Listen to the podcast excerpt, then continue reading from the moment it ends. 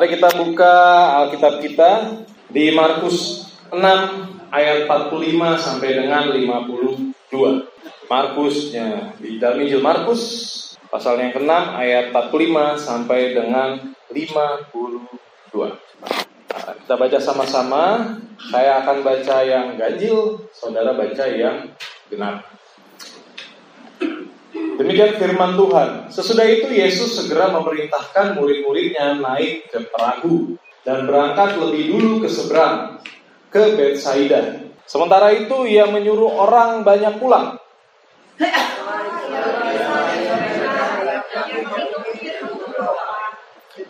Ketika hari sudah malam, perahu itu sudah di tengah danau, sedang Yesus tinggal sendirian di darat.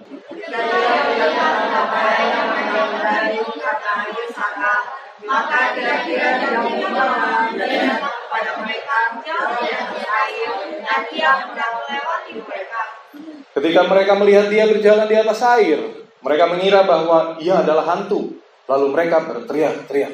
Setelah mereka semua melihat dia dan mereka pun sangat terkejut.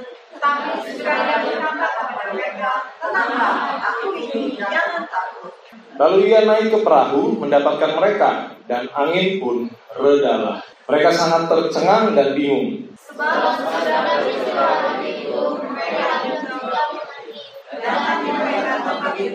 Amin. Judul khotbah saya hari ini adalah pengharapan di tengah badai. Siapa di sini yang punya pengharapan? Amin. Saya percaya kita semua masih punya pengharapan. Atau ada yang nggak punya pengharapan? Kayaknya nggak mungkin. Atau mungkin ada juga yang bilang, oh saya punya pengharapan tapi H2C, harap-harap cemas. Harap-harap berhasil tapi cemas kalau gagal. Harap-harap diterima tapi cemas juga ditolak dan lain sebagainya. Gak apa-apa, gak salah juga. Itu tetap berharap. Setidaknya itu adalah sebuah pengharapan. Mungkin juga di antara kita ada yang berharap untuk dapat pekerjaan yang baru, ya kan? Ada juga kita yang berharap untuk mengalami kenaikan pangkat. Ada yang berharap gajinya naik, ya kan? Atau omsetnya bertambah. Ada yang berharap hutang-hutangnya bisa lunas dengan segera mungkin. Ada juga yang berharap kesembuhan dari sakit.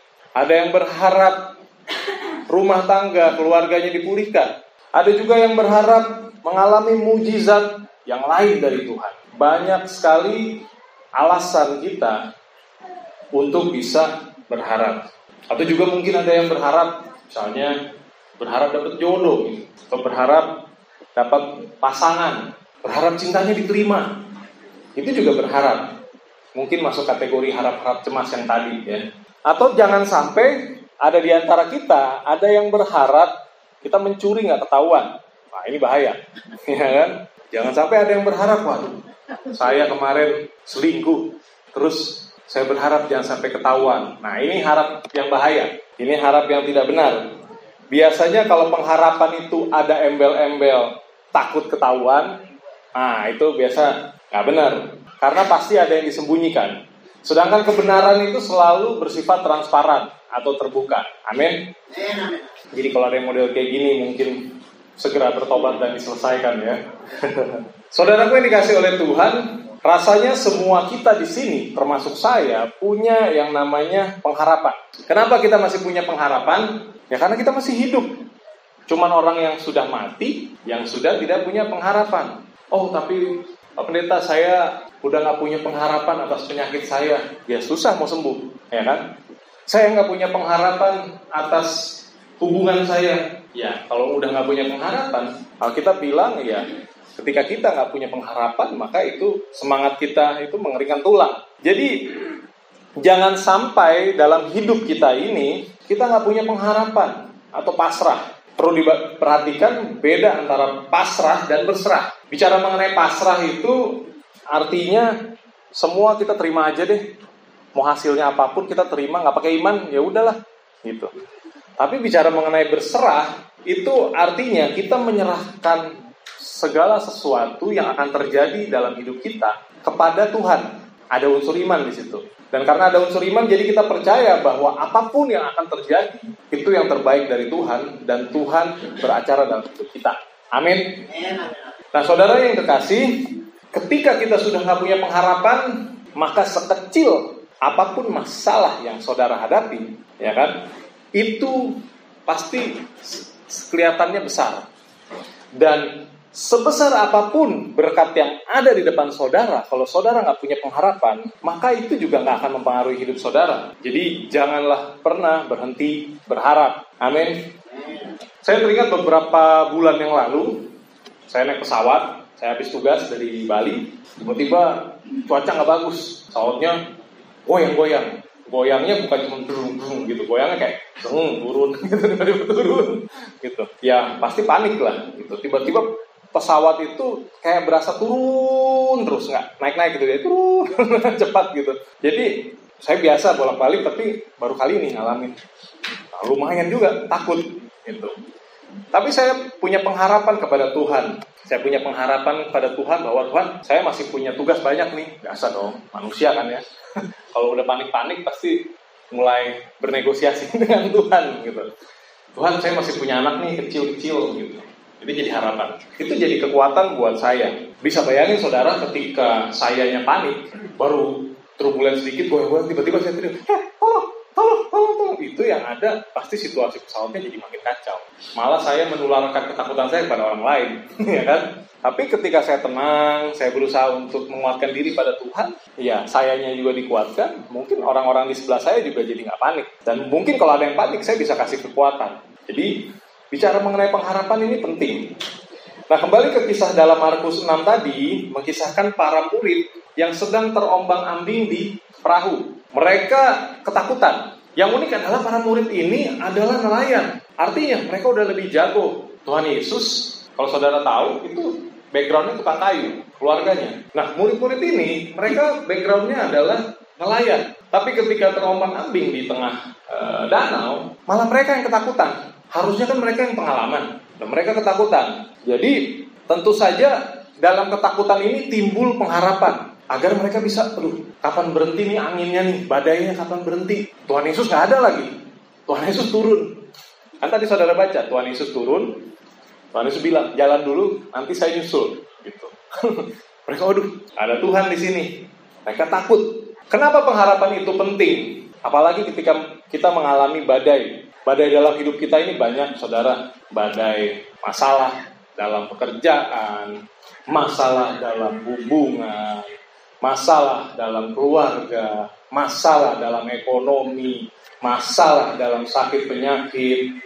Itu badai dalam kehidupan kita. Tapi pengharapan di tengah badai itu penting. Kenapa? Yang pertama, pengharapan itu adalah kekuatan kita untuk bisa mencapai sesuatu. Kalau saudara berharap berharap sesuatu, saudara pasti akan punya semangat atau kekuatan untuk bisa nyampe ke situ. Saya pernah kebelet gitu ya, belet nih, tapi masih di jalan macet. Ya saya tahan-tahan, saya punya pengharapan, saya udah ngitung, aduh nyampe nih, nyampe sampai rumah.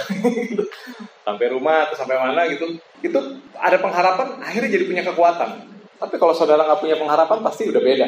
Bicara mengenai pengharapan, ada kita pasti mengenal namanya iman, pengharapan, dan kasih. Pengharapan itu bicara mengenai masa depan, future. Jadi kalau kita ngomong pengharapan itu sesuatu yang akan terjadi. Tapi bicara mengenai iman itu masa lalu.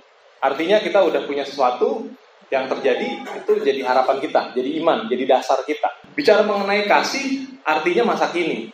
Kasih itu ya kalau bicara kasih kita nggak bilang, oh dulu saya mengasihi dia. Enggak, sekarang. Oh saya mengasihi dia nanti. Nggak bisa, sekarang. Makanya kasih itu berbicara masa kini. Nah pengharapan berbicara masa depan. Jadi kalau kita sudah tahu pada akhirnya sesuatu itu akhirnya akan baik dan berharga, maka kondisi apa pun yang akan kita hadapi itu akan bikin kita kuat. Kita nggak akan mudah menyerah. Kalau kita tahu masa depan kita, keluarga kita akan diberkati, kita pasti akan lebih kuat menanggung segala perkara. Misalnya dalam Yohanes 14 ayat 1 sampai 4, Yesus berkata bahwa ia menyediakan tempat bagi kita. Di rumah Bapakku banyak tempat. Aku menyediakannya bagimu. Kalau saudara tahu bahwa Yesus menyediakan tempat bagi kita yang percaya dan menerimanya, maka kita nggak akan mudah menyerahkan iman kita pada apa pun juga, ya kan? Mau itu aniaya, mau itu iming-iming harta. Kita tahu ada sesuatu yang lebih berarti yang Tuhan sediakan buat kita. Dan ini janjinya ya dan amin. Sa saudaraku yang terkasih oleh Tuhan, murid-murid ketika disuruh naik kapal, mereka pasti punya pengharapan bahwa Yesus akan nyusul mereka kan. Pengharapan ini tentu saja memampukan mereka bisa jalan dengan tenang. Meskipun ketika akhirnya mereka ketakutan, tapi dalam ketakutan itu mereka punya pengharapan sebenarnya. Kalau mereka nggak punya pengharapan, bisa aja mereka nggak jalan-jalan. Uh, ntar deh tunggu Tuhan Yesus dulu deh. Yesus bilang, udah jalan dulu. Oh, enggak deh. Gitu. Ayatnya pasti beda. Tapi mereka jalan, jalan dengan dengan dengan pengharapan yang baik. Ya mungkin contoh lah contoh ya. Beberapa waktu lalu, tahun lalu kan kita ada pemilu kan, ya kan? Siapa yang nggak nyoblos? Yang kecil-kecil yang nggak nyoblos ya. Dalam pemilu ya, saudara tahu kan? Udah berapa kali pemilu nih? Orang-orang yang dinyatakan kalah aja nggak ngerasa kalah, ya kan? Mereka masih punya pengharapan bahwa enggak kita menang. Padahal kalau kita lihat apa misalnya uh, quick count gitu, kan udah bilang wah ini kalah, ini kalah, kalah, kalah. Tapi yang kalah aja, dia nggak pernah ngerasa kalah. Dia punya pengharapan, saya nggak kalah. itu masih berharap ada celah yang memungkinkan dia untuk menang. Dalam politik aja punya pengharapan, saudara. Masa kita anak Tuhan, orang-orang percaya, nggak punya pengharapan? Yang setuju katakan amin. amin. Misalnya saudara jadi petani, ketika saudara tanam sesuatu, saudara pasti punya pengharapan bahwa itu akan tumbuh. Amin apa amin? amin. Ketika saudara pasti punya pengharapan. Ketika saudara ada di gereja ini, saudara menabur, saudara pasti punya pengharapan, walaupun bukan timbal balik ganti rugi ya, tapi saudara punya pengharapan bahwa yang saya taruh ini untuk Tuhan, pekerjaan Tuhan dinyatakan, ini akan berdampak. Punya pengharapan itu dong. Pengharapan akan akan ada jiwa-jiwa datang, akan ada pemulihan dia dong. Pasti punya pengharapan. Nah, dalam Roma 4 ayat 18, di sini kita bicara mengenai Abraham, dikatakan, sekalipun tidak ada dasar untuk berharap, tapi Abraham berharap juga dan percaya. Tuhan memberikan janji pada Abraham, dia udah dia secara fisik dia lihat dia usia sudah tua, nggak punya uh, kayaknya udah nggak mungkin punya keturunan. Tapi dasar untuk berharapnya, tapi dia memilih untuk berharap dan juga percaya. Nah yang kedua, apa itu pengharapan? Kenapa pengharapan di tengah badai itu penting? Yang kedua adalah karena kalau kita punya pengharapan, pasti kita akan memandang segala sesuatu dengan cara yang berbeda. Hari-hari ini sedang heboh tentang virus corona. Saudara, ada yang tahu virus corona? Pernah dengar?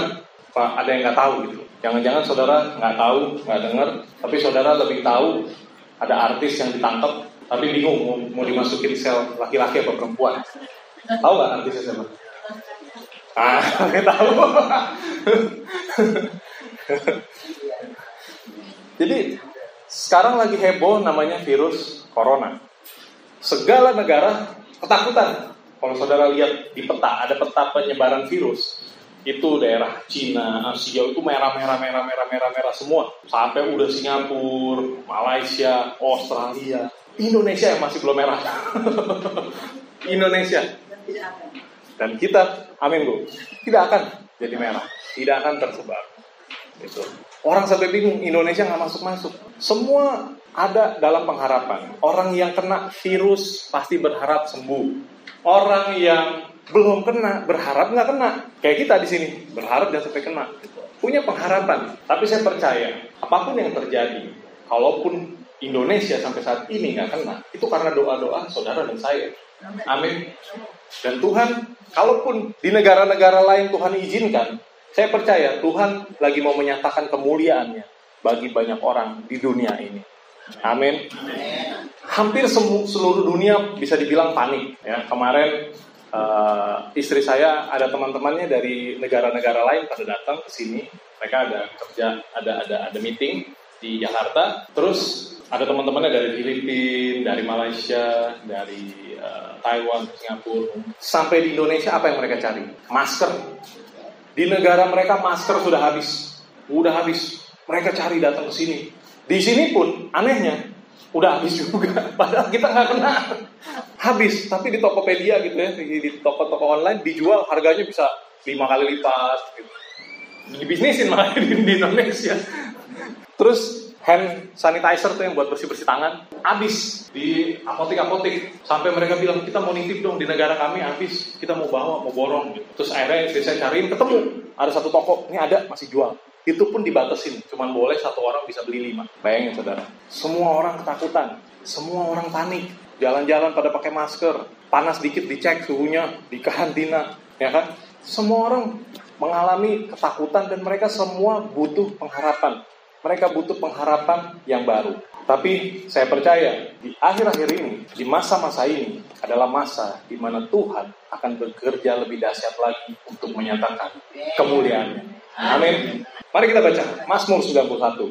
Saya percaya di, di saat-saat ini ayat ini akan berbicara sangat kuat buat kita untuk bicara mengenai janji Tuhan. Setelah bicara mengenai ayat perlindungan Tuhan atas kita. Kita ketemu? kita baca. Agak panjang, tapi ini istri saya tiap pagi baca ini. Setiap pagi, sudah dua tahun terakhir. Mari kita baca, saya baca yang ganjil, saudara baca yang genap. Demikianlah firman Tuhan, orang yang duduk dalam lindungan yang maha tinggi dan bermalam dalam naungan yang maha kuasa. Akan kepada Tuhan, dan Allahku yang percaya. Kemudian ayat yang ketiga, sorry. Sungguh, dialah yang akan melepaskan engkau dari jerat penangkap burung, dari penyakit sampar yang busuk. Dengan tepatnya ia akan melindungi engkau, di bawah sayapnya engkau akan berlindung.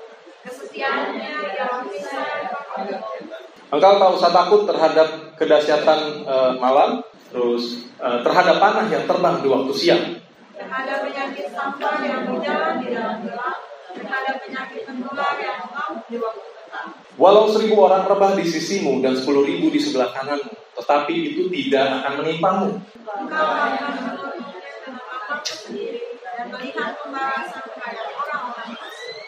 Sebab Tuhan ialah tempat perlindunganmu yang maha tinggi telah kau buat tempat perteduhanmu. Tidak akan menimpa kamu dan ular tidak akan mendekat kepada kemahmu. Sebab malaikat-malaikatnya akan diperintahkannya kepadamu untuk menjaga engkau di segala jalanmu.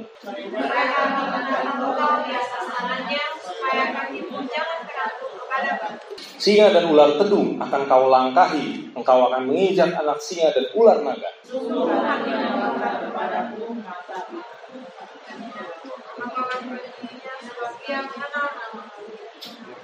Ayat 15 sama-sama. Bila ia berseru kepadaku, aku akan menjawab.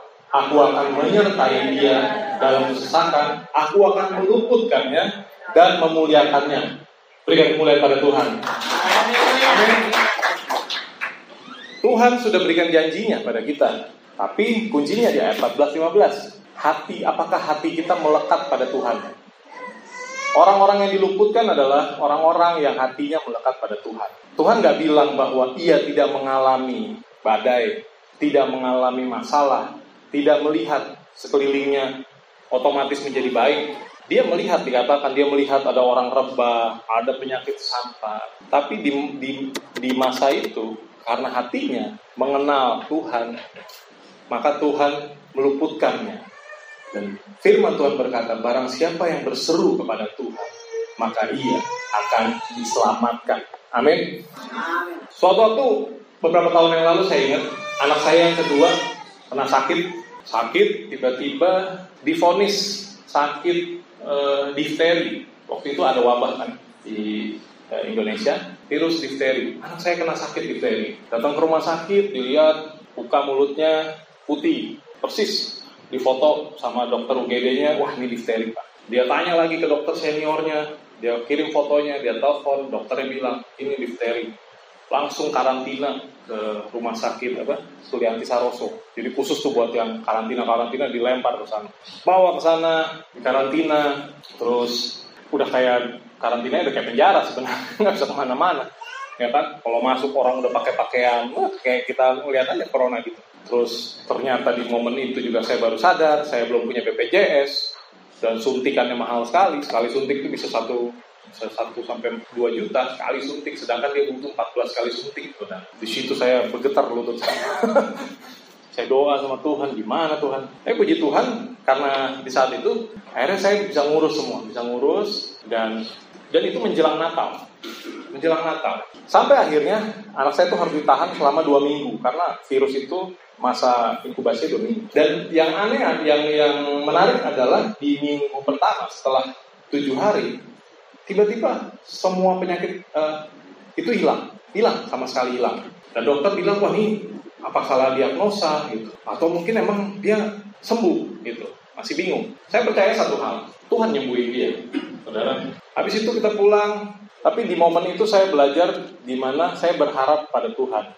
Kondisinya nggak baik, anak saya sakit, sakitnya kena penyakit yang virus yang istilahnya wabah lah ya.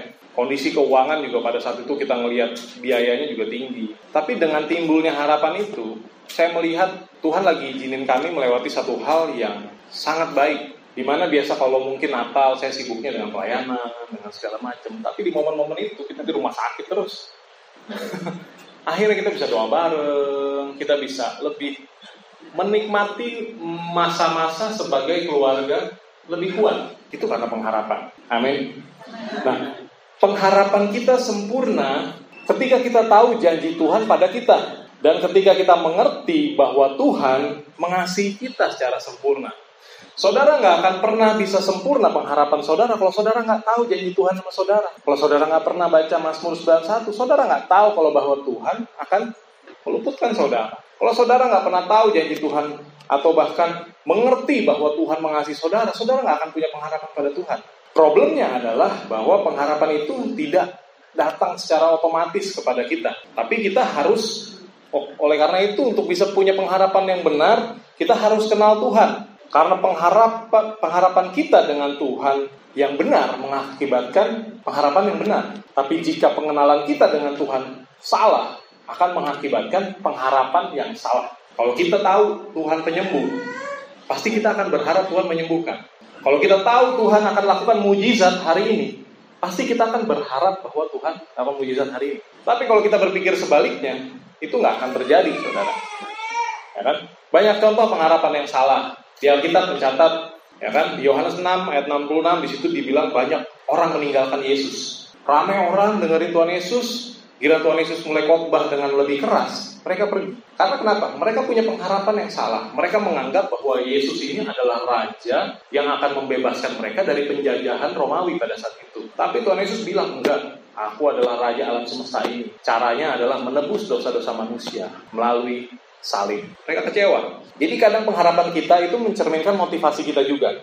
Supaya pengharapan kita benar, maka kita harus bisa mengenal Tuhan dengan benar dan kita harus tahu janji Tuhan dalam hidup kita. Pengharapan itu ibarat pengharapan yang benar itu seperti kalau saudara, saya pernah kejadian di mana saya saya juga bingung sampai sekarang. Jadi saya pernah uh, kantongin uang banyak nih, uangnya cukup banyak, mungkin hampir sekitar 2 juta lah. Saya, saya setelah amplop saya kantongin, saya lupa, saya lupa bisa bayangin gak uang segede itu, saya lupa. Saya juga nggak habis pikir. Setelah beberapa, beberapa bulan, tiba-tiba waduh saya lagi lagi lagi butuh uang nih segala macem. Ya, waktu itu saya pelayan saya taruh di jas gitu ya. Tiba-tiba pas saya lihat di jas kok tiba-tiba ada duit? Baru saya ingat oh iya saya pernah ada gitu. Kadang-kadang pengharapan yang benar tuh seperti itu. Kita tuh udah punya sebenarnya. Udah tahu tapi kita nggak pernah pakai karena kita lupa. Amin. Jadi janji Tuhan tuh kita harus benar-benar ingat.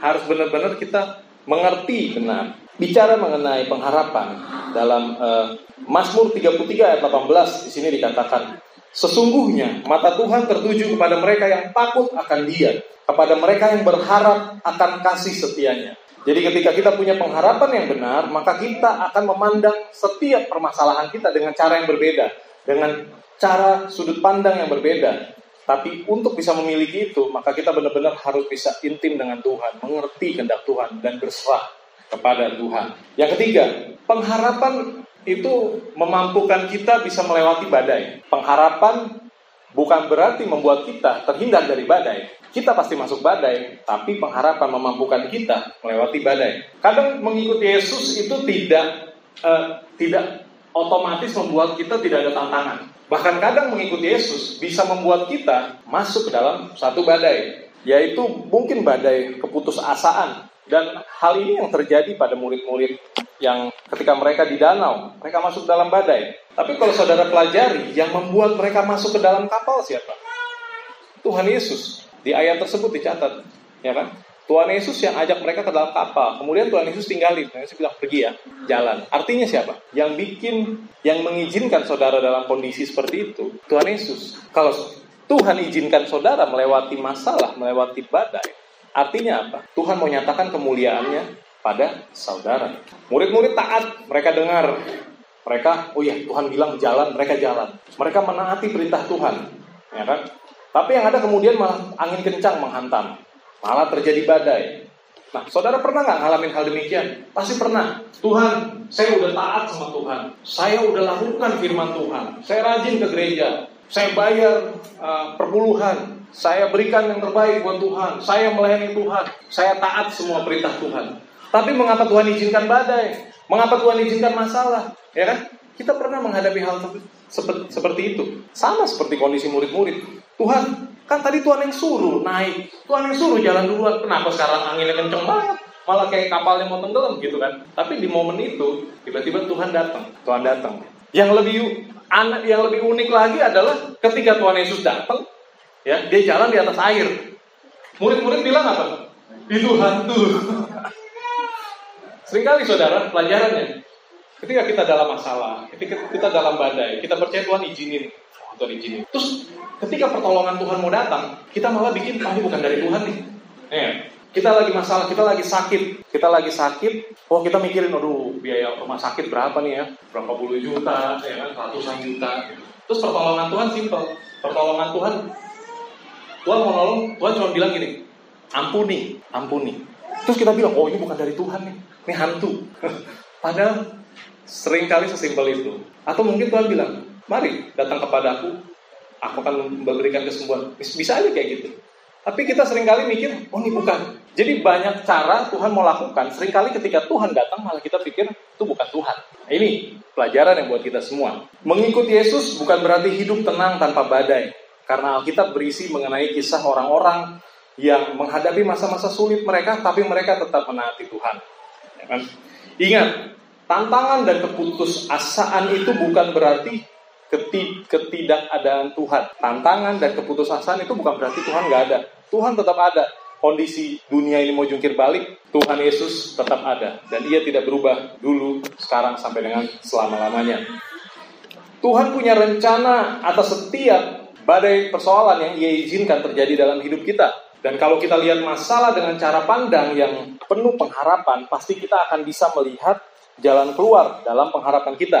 Oleh karena itu kita harus merubah perspektif kita, menyamakannya dengan perspektif Tuhan. Itu memang nggak gampang, tapi itu membuat kita bisa lebih optimis dalam hidup.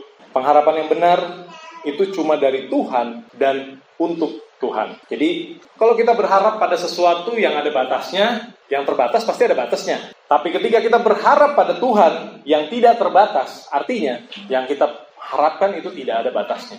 Karena Tuhan Allah kita tidak terbatas. Mari kita baca di ratapan 3 ayat 25. Saya bacakan biar cepat. Ratapan 3 ayat 25. Tuhan adalah baik bagi orang yang berharap kepadanya, bagi jiwa yang mencari Dia. Saudara, kalau, kalau saudara tahu kita peratapan itu, ditulis seperti itu. Zaman bangsa Israel sedang dalam pembuangan. Zaman bangsa uh, ditulis oleh Yeremia ketika bangsa Israel sedang mengalami kesulitan, kacau segala macam. Tapi kitab itu ditulis untuk tetap mem memiliki pengharapan, pengharapan dalam Tuhan. Amin. Jadi kondisi mau seperti apa pun, saya percaya teruslah berharap, berharap pada Tuhan. Yang terakhir yang keempat, pengharapan dalam Tuhan bukan berarti semua problem terselesaikan dengan cara kita. Tapi semua problem akan diselesaikan dengan cara tu Tuhan. Tuhan izinin kita melalui hal-hal yang sering kali tidak bikin kita nyaman. Itu sebenarnya bertujuan untuk Tuhan tuh mau kasih lihat seberapa besar dan seberapa jauh Tuhan mau membawa kita dalam hidup ini. Tapi makin dekat kita dengan masalah, akan makin besar masalah itu. Saya kalau lihat ini handphone, makin saya lihatnya dekat, saya udah nggak bisa lihat apa-apa. Tapi makin jauh, saya lihatnya kecil. Sama, masalah ketika kita lihat makin dekat makin dekat, uh udah gede banget nggak bisa lihat apa-apa. Tapi makin jauh kita lihat masalah, itu makin kecil. Itulah sudut pandang Tuhan. Amsal 10 ayat 28 berkata, harapan orang benar akan menjadi sukacita, tapi harapan orang fasik menjadi sia-sia. Saudara orang benar atau orang fasik? Kita semua orang benar. Jadi percayalah, apa yang kita harapkan tidak akan pernah sia-sia. Amin. Saya akhiri. Ketika saudara tadi baca di uh, Markus 6 tadi, saudara mendengar saya minta pemusik boleh maju. Jadi uh, murid-murid disuruh jalan oleh Tuhan Yesus, tapi orang banyak disuruh pulang. Mungkin kalau saudara lihat di ayat itu sebenarnya uh, relevansinya itu sama. Jadi kita baca di Markus 6 tadi itu ada cerita yang sama di Matius 14 ayat 22 23. Saudara nanti bisa baca di rumah. Ketika Tuhan Yesus suruh murid-murid itu uh, jalan naik perahu, orang-orang banyak disuruh pulang. Tuhan Yesus bilang, kalian pergi naik perahu. Orang-orang banyak kan dia habis habis melakukan mujizat nih ngasih makan 5000 orang. Orang banyak disuruh pulang. Tapi yang ngalami badai siapa? Murid-murid. Orang banyak ngalamin nggak? Enggak. Tapi yang ngalami ditolong oleh Tuhan siapa? Murid-murid. Yang ngelihat mujizat Tuhan siapa? Murid-murid. Artinya apa? Ketika saudara sedang mengalami badai, saudara mungkin pikir ada masalah, saudara mungkin sedang mengalami tantangan dalam hidup saudara. Kenapa? Karena saudara murid-murid. Tuhan ingin izinkan saudara untuk melihat kemuliaan Tuhan lebih besar daripada orang-orang lain. Amin. Kalau saudara percaya, berikan tepuk tangan buat Tuhan. Haleluya. Ingat bahwa dalam hidup kita pasti mengalami yang namanya tantangan, masa-masa kita dalam hidup ini kadang kita bisa goyah dan hilang pengharapan, saudara. Tapi percayalah, sesulit apa pun tantangan yang kita hadapi, ini adalah musim di mana Allah menggunakan kesengsaraan kita untuk memperkuat kita agar kita bisa bertumbuh lebih lagi dalam Tuhan. Jadi, jangan pernah lari dari kesulitan, jangan pernah menyerah, Jangan sampai ketika masa-masa sulit ini saudara tidak bisa mempelajari sesuatu dari Tuhan. Karena ketika saudara bisa berhasil melewatinya, maka saudara akan mengalami pertumbuhan yang lebih dari sebelumnya. Ingat bahwa ketika kita hilang pengharapan sesungguhnya, kita sedang kehilangan segalanya. Seberapa jauh perjalanan iman kehidupan kita itu tergantung seberapa jauh kita memiliki pengharapan dalam Tuhan. Mazmur 147 ayat 11 berkata, Tuhan senang kepada orang-orang yang takut akan dia, kepada orang-orang yang berharap kepada kasih setianya. Amin. Mari pejamkan mata, bangkit berdiri saudara. Kita akan berdoa.